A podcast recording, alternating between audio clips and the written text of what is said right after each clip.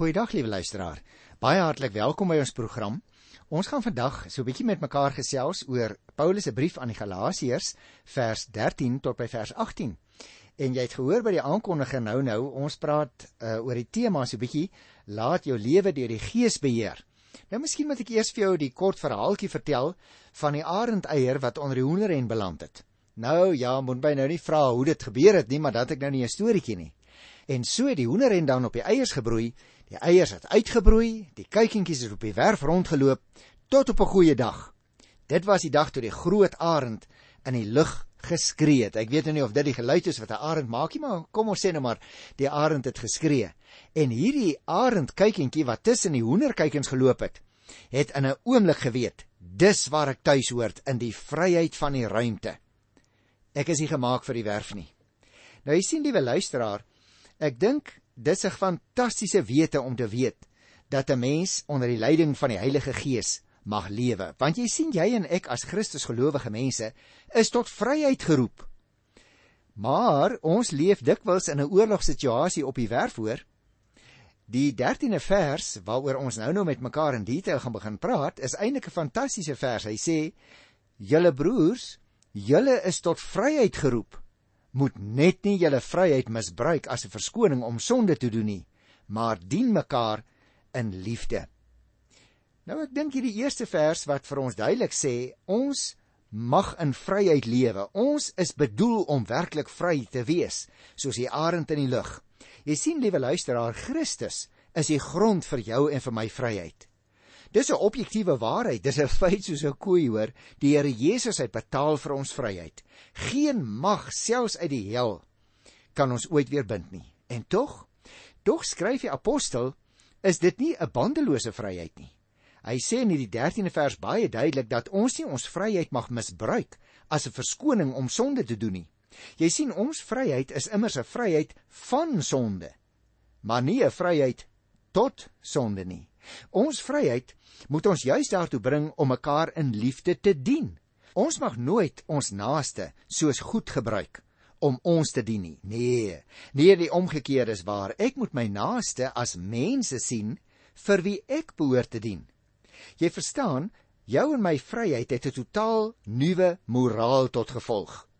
Om my naaste te dien en lief te hê, sê die 14de vers ook. En terwyl Paulus besig is om hierdie dinge oor vryheid te dink, onthou hy skielik lyk dit vir my hoe dit in werklikheid in Galate gegaan het.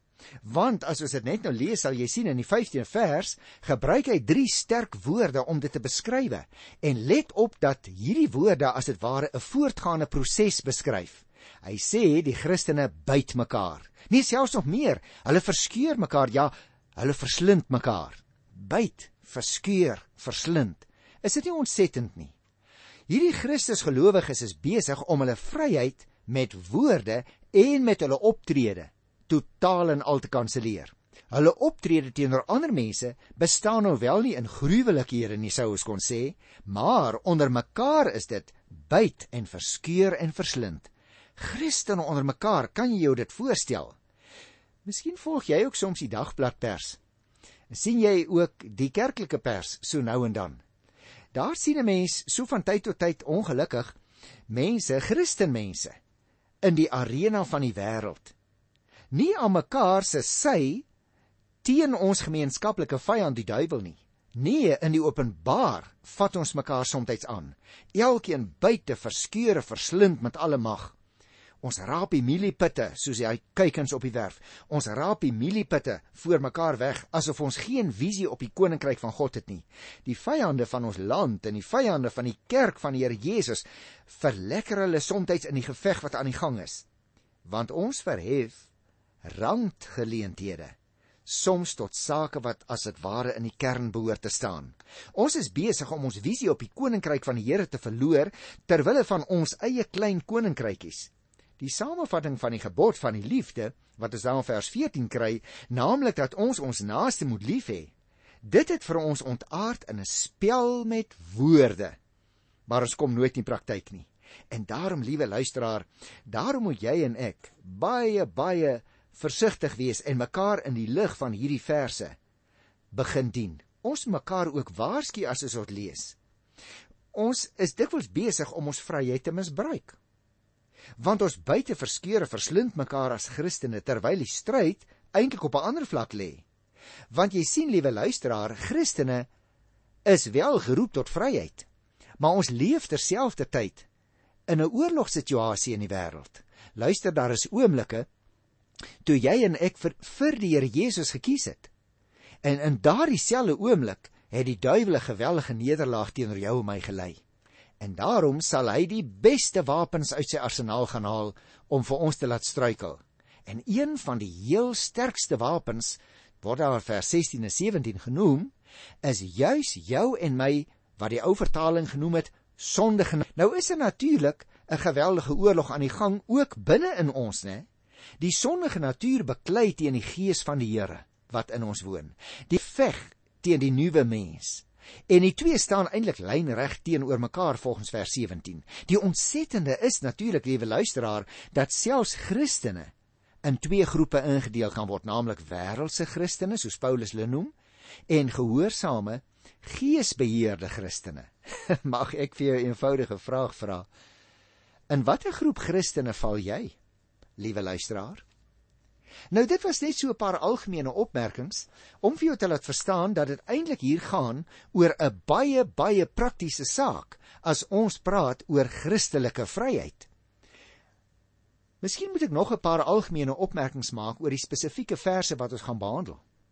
Want jy sien om mekaar nie in liefde te dien nie is om die vryheid waarin ons staan te misbruik.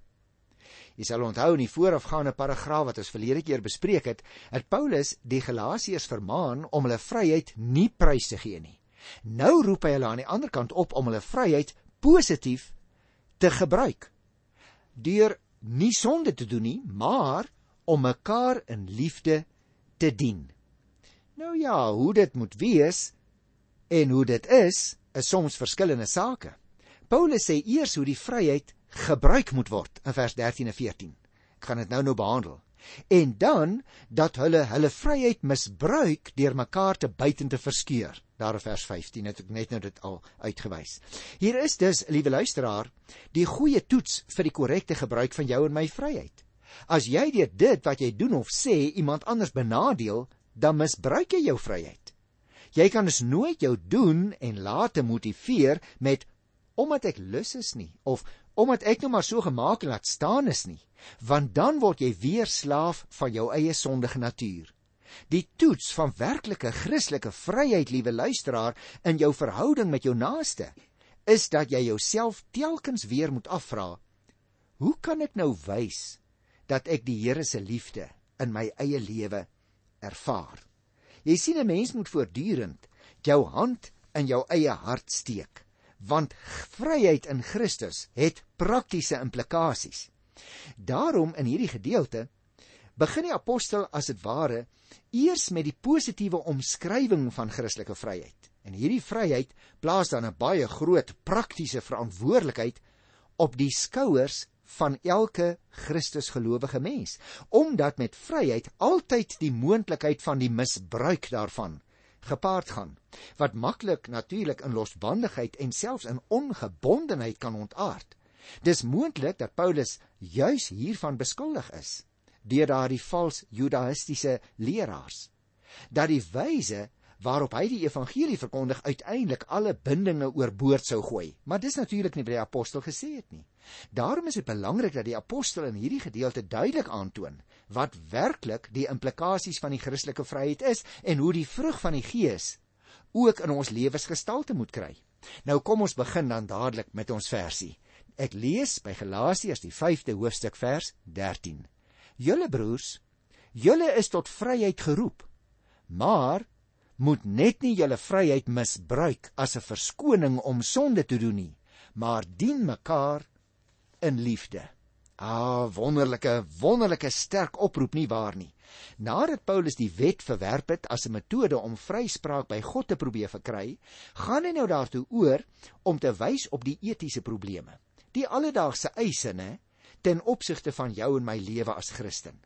In die Griekse taal interessant, plaas Paulus die klem op julle en sê met ander woorde dat hulle in teenstelling met wat die vals leraars gesê het dat hulle as Christene tot vryheid geroep is. Deur die goddelike krag van die woord en die Heilige Gees is hulle geroep uit die gevangenis van die wet en die sonde. Daar's egter 'n waarskuwing. Hierdie vryheid moenie 'n geleentheid of verskoning, sê die apostel wees, vir die sondige menslike natuur wat voortdurend homself na vore druk nie. Christus het hulle geroep om mekaar te dien, skryf hy. Christus het met ander woorde vir jou vir my liewe luisteraar vrygemaak sodat ons dit kan doen en die manier waarop ons dit behoort te doen teenoor ander mense is die manier van die liefde. Daarom sal jy opmerk net soos in die eerste versie van hoofstuk 5 waar daar ook gepraat is oor die doel van ons verlossing en die roeping van die gelowiges word dit hier weer baie duidelik gestel. Dit kan eintlik in een woord saamgevat word. Ons lewe deur die liefde in vryheid. Maar voordat Paulus nou in die laaste deel van die vers voortgaan om uit hierdie doelstelling riglyne vir die lewe van die gelowige te trek, voeg hy tussenin 'n opmerkingkie by. Moet net nie julle vryheid misbruik as 'n verskoning om sonde te doen nie. Jy sien, hieruit spreek die apostel se sin vir realisme. Want teoreties stem ons natuurlik almal saam. Maar as dit by die praktyk van ons godsdiens kom, dan begin ons skielik te verskil. En dan begin ons allerlei verskonings aanbied hoekom ons nie in liefde ander mense kan dien nie. Soos hy hier sê. Natuurlik weet Paulus baie goed dat die bewaring van die vryheid nie 'n eenvoudige saak is nie. Die onderwerping aan die wet en sy voorskrifte kan nie eenvoudig vervang word deur 'n passiewe onderwerping aan Christus nie. As vryheid enige iets beteken in die praktyk luisteraar, dan impliseer dit die verantwoordelikheid van 'n keuse wat jy en ek moet maak, van 'n doelbewuste besluit om 'n bepaalde gedragslyn te volg. Die gawe van vryheid bevat dus altyd die element van risiko. Die moontlikheid bestaan steeds dat die vryheid as 'n aanleiding tot sonde gebruik kan word. Die gelowiges luisteraars is nie meer onder die tirannie van armsalige wettiese godsdienstige reëls nie, né? Maar buite die mens om word ons optrede gelei deur die Heilige Gees. Dit beteken natuurlik nie dat die nuwe bestaanswyse van die geloof die beslissing wat ek en jy self moet neem uitskakel nie. Ons het 'n verantwoordelikheid om te besluit hoe ons wil lewe. Die Heilige Gees maak dit moontlik dat die mens uit vrye wil God kan gehoorsaam, maar dit vra steeds elke dag 'n doelbewuste onderneming van jou en my kant sodat ons daardie inwoning van die Heilige Gees sal erken dat ons die influistering van sy stem in ons lewe sal erken sodat ons in die praktyk in dade kan oorgaan wat in liefde toegedraai is. Jy sien luisteraar, die menslike bestaan, ook die nuwe bestaan in Christus, kan dus eintlik in twee rigtings ontwikkel hoor. Of dit kan tot volle ontplooiing kom soos Christus dit bedoel het en die vrug van die Gees oplewer, soos wat ons in 'n volgende program sal sien van vers 22 af. Dis 'n een moontlikheid. Of aan die ander kant, dit kan die speelveld van die mens se sondige natuur word wat weer sy eie soort praktyke voortbring. Die vrug van die ou mens. Daarvan word gepraat van die 19de vers af, maar ons gaan nie vandag so ver met mekaar gesels nie. Die Christelike vryheid is dus nie inhoudloos nie, hoor, maar dit word vergesel van duidelike riglyne. In hierdie brief verwys die apostel telkens na die voorbeeld van die Here Jesus, in wie die liefde konkrete gestalte aangeneem het en wat ook die rigsnoer vir die lewe van die gelowige behoort te wees elke dag. Jy sien in hierdie 13de vers formuleer Paulus die opdrag so: dien mekaar in liefde. Dit is die vrywillige verpligting wat gelowiges hulle self moet oplê. Het jy opgelet na die woordjie dien? Hierdie woordjie dien wat hier gebruik word beteken letterlik wees 'n slaaf van jou naaste. O, oh, die ooreenkoms met die eerste vers van Hosea 5 kan seker nie onbedoeld gewees het nie. Aangesien daar ook van 'n slawe juk sprake is in die Griekse taal. Dit is egter nie soos ons al lees gesien het, een soort slawerny wat nou vir 'n nuwe soort slawerny verruil word nie. Natuurlik nie, luisteraar. Die Christelike vryheid en die slaafse onderwerping aan wettiese reëls is heeltemal onverzoenbaar met mekaar. Die punt van ooreenkoms is dat die vryheid nie ongehoorsaamheid beteken nie, maar 'n vrywillige verpligting in aanhalingstekens van 'n ander aard meebring, naamlik die om mekaar in liefde te dien. Omdat ek die Here Jesus liefhet, wil ek ook graag my medemens in liefde dien. En op hierdie manier bring Paulus vryheid en liefde met mekaar in verband. Jy sien die manier waarop die vryheid bewaar kan word, is om liefde te beoefen. Die keersy van liefde is die onderhouding van die wet. En dit kan jy en ek tog nooit doen om daarvolgens ons lewens in te rig nie. Dit lyk dus vir my, liewe luisteraar, as 'n mens nou vers 14 en 15 lees, dat dit meer duidelik vir ons word. Hy sê die hele wet word in hierdie een gebod saamgevat. Jy moet jou naaste lief hê soos jouself. Maar julle byt en verskeur mekaar. Pas op dat julle mekaar nie later heeltemal verslind nie. Nou Paulus is 'n baie realistiese ou, dit kan 'n mens hier baie duidelik sien. Want dis kenmerkend van die apostel se manier van denke dat hy op hierdie punt terugkom na die wet toe. Om met 'n appel op die wet die liefdesgebod op die hart van die Galasiërs te bind. Jy sien, die wet is en bly ook natuurlik vir hom die uitdrukking van die wil van God. En tog bind hy die gelowige nie aan die wet in sy historiese vorm nie, want Die Here Jesus het mos gekom om die wet vol te maak, maar in die vorm van die gebod van die liefde. Hy sê julle moet die wet van die liefde handhaaf. Julle moet in liefde teenoor mekaar optree. Die liefde bedek mos mense se foute. Dit leer ons byvoorbeeld in 1 Petrus 4 vers 8. Jy sien, luisteraar waar liefde ontbreek, is mense geneig om mekaar se foute en hulle tekortkominge in die kalklig te probeer plaas. Hulle sien net altyd mekaar se foute raak. En baie gou ontstaan daar 'n geveg en so kom daar verdeeldheid in die liggaam van die Here Jesus. Daarom moet jy en ek onsself oefen om op die goeie dinge, ook in medegelowiges, te fokus. Dikwels is dit mense wat baie foute het net soos jy en ek.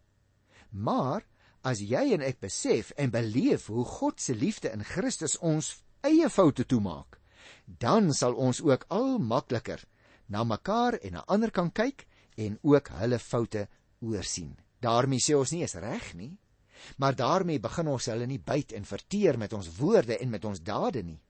Met ander woorde, as ek hier na die 15de vers kyk, dan lyk dit vir my in plaas daarvan dat die Galasiërs mekaar in liefde dien, soos Paulus hulle in die voorafgaande verse gesê het om te doen, byt en verskeur hulle mekaar staan daar. Die apostel sê dat hulle moet oppas om mekaar nie heeltemal te verslind nie. Jy sien wanneer die vryheid van Christus misbruik word, lei dit natuurlik tot die dinge wat hy hier noem. En dan verander mense as dit ware in diere, hoor? Luister na die 16de versie. Daar sê hy: "Wat ek bedoel is dit: Laat julle lewe steeds deur die gees van God beheers word. Dan sal julle nooit swig voor begeertes van julle sondige natuur nie." Ah, nou dis 'n baie praktiese opmerking wat die apostel hier maak, eh, nie waar nie. Hy sê die oplossing is laat julle die gees lei, nie deur julle sondige natuur nie. Nou natuurlik is daar net een manier hoe gelowiges dit sal regkry om mekaar nie te byt en te verskeur nie, en dit is deur hulle lewe deur die Heilige Gees van God te laat beheer. As God jou gedrag bepaal deur sy Gees, liewe luisteraar, dan kry jy en ek dit reg om nie meer verwaand te wees nie. Ander uit te tart en op ander mense afgunstig te wees nie. Kom ek herhaal dit net om dit saam te vat, liewe luisteraar. As jou en my doen en late ooreenstem met die gedragsforme wat Paulus voorskrywe, dan is dit vir ons 'n bewys dat die Heilige Gees ons lei. Dit kan egter natuurlik baie maklik gebeur dat mense jou eie voorkeure en gevoelens verkeerdelik aan die Heilige Gees wil toedig. Toets dus altyd en ek moet dit ook doen wat ons doen volgens die Here se woord is. Want onthou die wil van die Here word geopenbaar en bekend gemaak aan ons in die Bybel. En boonop gee die Here ons sy gees om ons te lei in die volle waarheid van die woord. En daarom is die 16de vers so belangrik as hy sê: "Laat julle lewe steeds deur die gees van God beheer word." Jy sien teenoor hierdie gees van onderlinge twis en stryd, stel Paulus die wil van die Here vir die gelowige se lewe. As 'n mens se lewe steeds deur die gees van God beheer word, sal hy nooit, sê Paulus, soog voor die begeertes van sy sondige natuur nie. In die Griekse taal staan daar wandel volgens die gees. Is dit nie mooi nie? En dit beteken dat die gelowige hom in gemeenskap met Christus deur die gees moet laat beheer elke oomblik. Die gees se werk, liewe luisteraar, maak nie die menslike optrede onnodig nie. Maar wakker dit juis aan en rus die gelowige toe om al jou en my krag in diens van die Heilige Gees te stel. Die tyd van die werkwoord laat julle regeer wat Paulus hier gebruik is nogal in die teenwoordige tyd. Merk jy dit op? Die lewe deur die Gees bestaan dus nie uit 'n hele klomp losstaande dinge wat ons moet doen nie, maar uit 'n totale lewenshouding. Luister na vers 17. Wat ons sondige natuur begeer, is in stryd met wat die Gees wil. En wat die Gees wil, is in stryd met wat ons sondige natuur begeer. Hierdie twee dinge staan lynreg teenoor mekaar. En daarom kan julle nie doen wat julle graag wil nie. Maar as julle julle deur die Gees laat lei, staan julle nie meer onder die wet nie. Nou daar het jy dit. Ek het by die begin gesê ons lewe in die wêreld onder leiding van die Heilige Gees, maar ons lewe terselfdertyd as dit ware in 'n oorlogsituasie. Die oorlog nie daar buitekant nie, maar 'n belangrike oorlog ook hier binnekant. Die ou mens wat voortdurend maar weer wil opstaan uit die graf. Daar is dus mag ek 'n beeld gebruik, dis eintlik soos twee skaalpanne. Die Heilige Gees aan die een kant wat my lewe wil regeer, aan die ander kant die ou mens wat voortdurend weer wil oorneem. Die sondige natuur word dit genoem. Die begeertes van die sondige natuur bots met die van die Gees. En daarom is die Gees ook die groot vyand van die mens se sonde. Liewe luisteraar, Wanneer ek bewus daarvan word dat ek sonde doen, dan is dit beslis nie my ou natuur wat my herinner nie. Dis die werk van die Heilige Gees. En daarom moet jy en ek voortdurend bewus wees van die inwoning van die Heilige Gees, daarvan bewus wees dat hy ons wil lei, voortdurend vra vir sy leiding en as hy ons dan herinner dat ons besig is met iets wat verkeerd is, dan moet ons op daardie oomblik sommer los. Dit ook op daardie oomblik sommer voor die Here bely, want later vergeet 'n mens om dit te doen. Ek wil graag afsluit met die 18de vers, want dit is tot hier wat ek vandag ons gedeelte wil voer.